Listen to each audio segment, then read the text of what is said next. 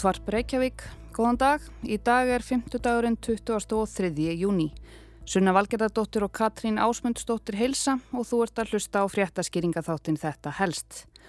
Í dag höldum við til Indlands. Katrín kannar sérstætt mál þaðan sem hefur farið eins og eldur í sinu um internetið síðustu daga þar sem reynir á samvist manna og dýra á 20. og 1. öldinni. Jón Már Haldórsson lífræðingur sittur fyrir svörum.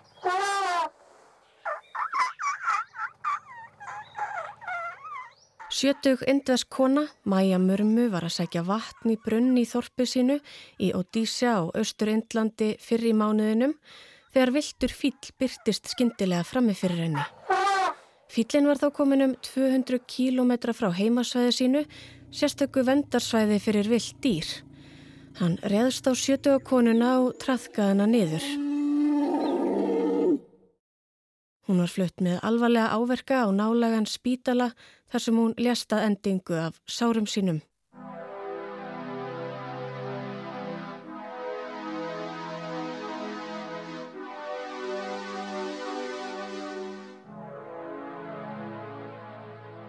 Það er svo sem ekkert nýtt að samlífi manna og dýra, manna og fíla gangi ekki alltaf vel. Maðurinn hegðar sér sjálfur ekki alltaf vel og hegðuninn Afleðingar loftslagsvárinar ásækni mannsins í landsvæði og veiði hans, svo sem vegna löngunar í fílabeinstennur eða einfallega sér til skemmtunar, bytnar á dýrunum. Fílum hefur yfir höfuð fækkað gífurlega og borið hefur á óvinni mörgum ónáttúrulegum döðsföllum akkurat á þessu svæði frá aldamótum, svo sem vegna á veiði eða um rúmlega 1300. Þá eru árásir fíla og fólk ekkert einstæmi á sjömánaða tímabili í fyrra frá april fram í oktober létust til dæmis rúmlega 40 eftir árásir vildra fíla eins og í tilviki mörmu bara í Odisha. Og samkvæmt gagnagrunni World Wildlife Fund verða fílar á milli 100 og 300 manns að bana á Indlandi á ári hverju. Ásælni manna í stærri og stærri landsvæði Svo sem í henni steinefnaríku Odisha er talin hafa auki líkunar á að fílar verði á vegi manna og öfugt.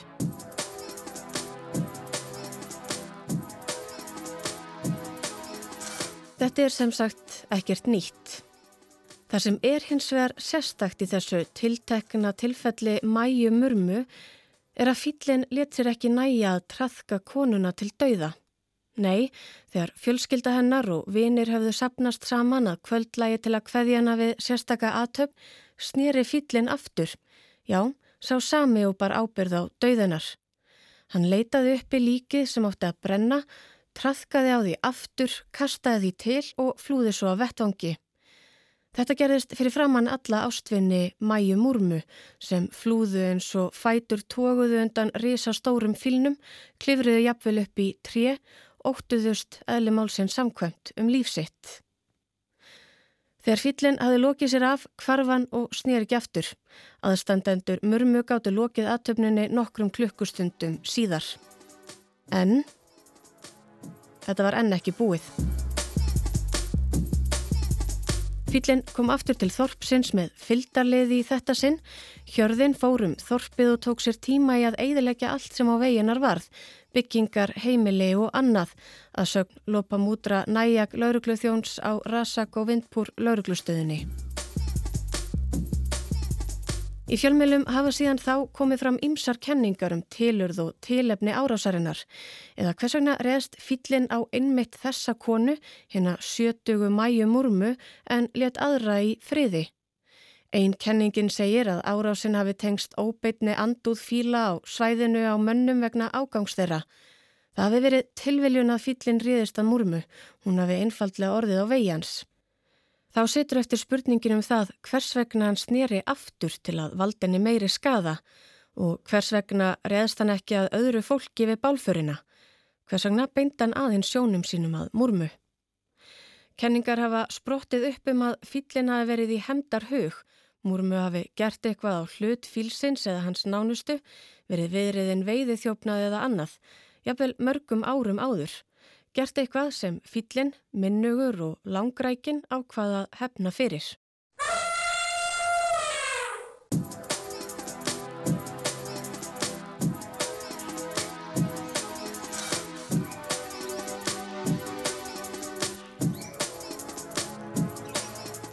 Já, hvað bera málið undir einhvern sem mun meira veit, Jón Má Haldórsson Lífræðing sem hefur svarað fjöldanum öllum af spurningum um fíla á vísendavefnum. Allt frá því til hvers fílar nota rannan, hvort er hafi hala, skott, dindil eða rófu og yfir í það hvers vegna þeim fækkar svo mjög. Ég byrjaði á að spyrja Jón Má almennt út í dýrin sjálf, fílana. Hvernig dýr eru þeir? Eru þeir árásagjarnir, hættulegir? Geta menn og fílar ekki búið í samlendi. Fílar eru svo kvöldur ranadýr og einu tegandur innan þessar ættar minni mig. Það fyrsta sem grýpur aðteglið fólks þegar talar um fíla er að þetta eru stærðar skefnur, getur verið alltaf 5 tonn og staðstu núlíðandi landýr í erðar. Fílar greinast núna í þrjár tegundir. Það er uh, asíski fílinn sem lifir í sunnaverðri Asíu. Svo eru tvær tegundir í Afríku. Það er henn klassíski gresjufíl og svona eitt af enkennis dýrum, fjölsgrúðu og stórbrotnu náttúru Afríku. Og svo er það tegund sem nefnist skóarfíl og er náskildur gresjufílinum og sennilega hefur að hafa fílar þá með einhverjum hætti að aðalegast regnskóum Afríku og greinst í, í sér tegund. Svo tegund er, er, er minni en gresjufílinn sem er staðstur allar að fíla.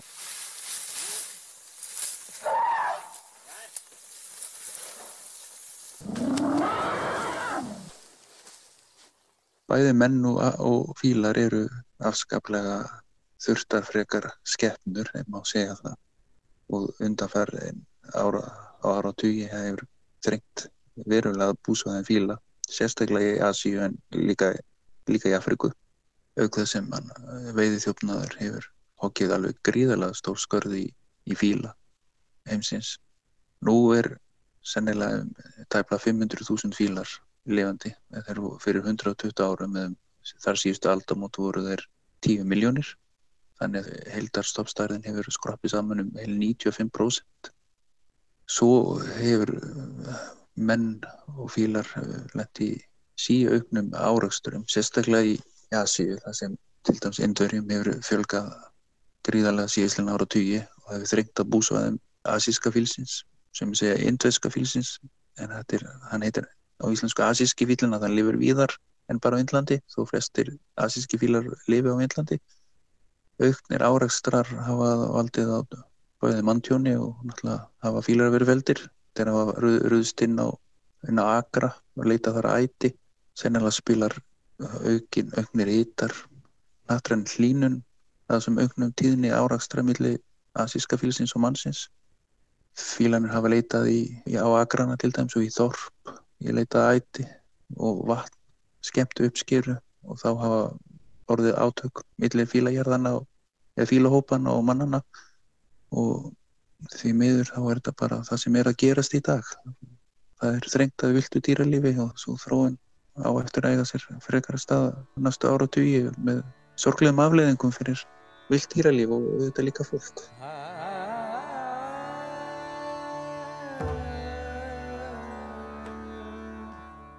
eins og við vitum núna er miklu hittar á Índlandi og það er ekki bara menn mannleg samfélag sem þjást heldur líka vilt náttúra á Índlandi.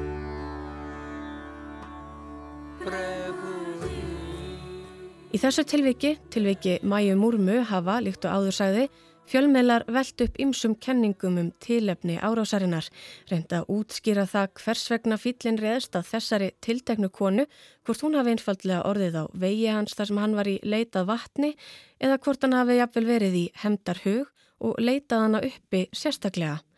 Hvað segir Jón Márum slíkar kenningar og útskýringar? Menn hafa oft reynd að greina hvernig dýr hugsa, hvernig þau hegða sér, hvort þau náttúrulega þekkja manneskjur í sundur, þetta þekkja geldur eigendur og, og fleiri en ég, það er ómjöld að segja og, og hvernig þetta er eitthvað sem þarf bara að rannsaka og skoða hvort þetta sé í reynd raunin, hann hafi lendi í einhverju árasturum eins og konu og, og skadana til ólífis og hvort þetta hafi verið tilvílun hafi ráðist ráðist akkurát á hana þegar hann fyrir tilvíðunarest inn í jarðaförun hennar. Og, og þetta er alveg ómulagt að segja svona sitjandi í stóla á Íslandi. En það, er, það eru til fleiri svona sögur að dýr hafi leituð upp í fólk og, og leita að henda. Og hvort það sé alveg fullkomar raunin eða ekki er ómulagt að segja.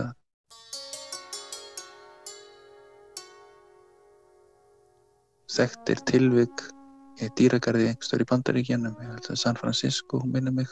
þá voru einhverjum þrjí strákar að, að pota eða kasta einhverju, eða einn þeirra var að kasta einhverjum hlutum í tíkristýr svo slappa og leitaði strákin uppi og, og draf hann. Það eru til svona sögur og við lifum bara á þessum, þessum tilveikum sem hafa orðið og, og náttúrulega tólkum að okkar hátt.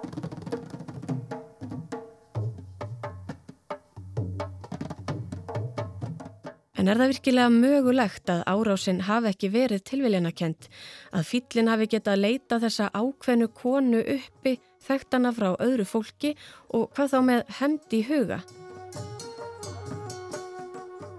Við vitum alveg að fílar eru nokkuð velgefnir. Eh, það er vel, vel þekkt að fílar eru mjög minnigur til læra, menn hafa stútir að mikið aðtverðli fíla. Mæðurnar hafa farið með börnin sín og og eiginlega kent þeim og grasafræði má segja. Hvað er hægt að leita í ákvæmna júrtir og sumar að setja leita í júrtir til þess að deyfa sársöka þannig þeir, þeir eru ákvæmlega þeir eru greindir og þeir eru minnugir og geta þekkt fólk í sundur. Þeir fílar óttast fólk óttast menn, þeir hafa náttúrulega skjálfilega reynslega menn það er sagt að stór hluti af fílum Afríku eru hálf traumatiseraðar eftir veiðþjófnað þannig að þetta bara kallar á góða vangaveltur um, um andlegt líf og gáur, já, fíla og annara dýra sem við deilum jörðinni með. Þau eru ekki sálarlösa, þau eru ekki heimsk.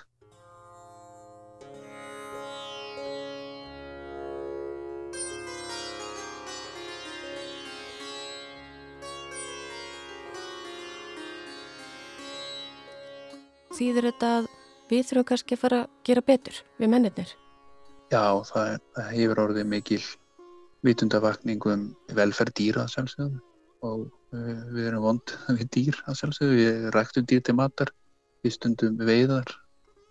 En við náttúrulega erum vond líka við fólk. Þannig að þetta er bæði góður og, og vondur heimur sem við lifum í. Og, og það er fátakt í Afriku viða, það er einstund að veiðhjóðna líka til þess að afla sér viðværis Það eru glæpahópar sem kaupa afurðir, dýra í útrýmingarættu. Það eru uh, veiðverðir, þjóðgarsverðir sem eru myrtir, sem eru að verja, verja dýri í þjóðgörðum alfunar og, og í Asíu. Það eru áreistrar vegna aukinar samkjöfnum um rými. Nú eru til dæmis og í Asíu nú eru indverjar 1,4 miljardar. Þeir voru tafla 5-600 miljónir fyrir halvri öld. Allt rennur út í einn farveg. Það er ekki samkjæmni um, um hana landrými og mikandi búsvæði fyrir stóru dýr álfunar, Afriku og, á Índlandi, sérstaklega Índlandi þannig að já, má segja að vilt dýralífi viða er mikillir varnabarátu Saði Jón Már Haldursson lífræðingur í Þetta helst í dag. Við verðum hér aftur á sama tíma á morgun Þanga til þá veriði sæl.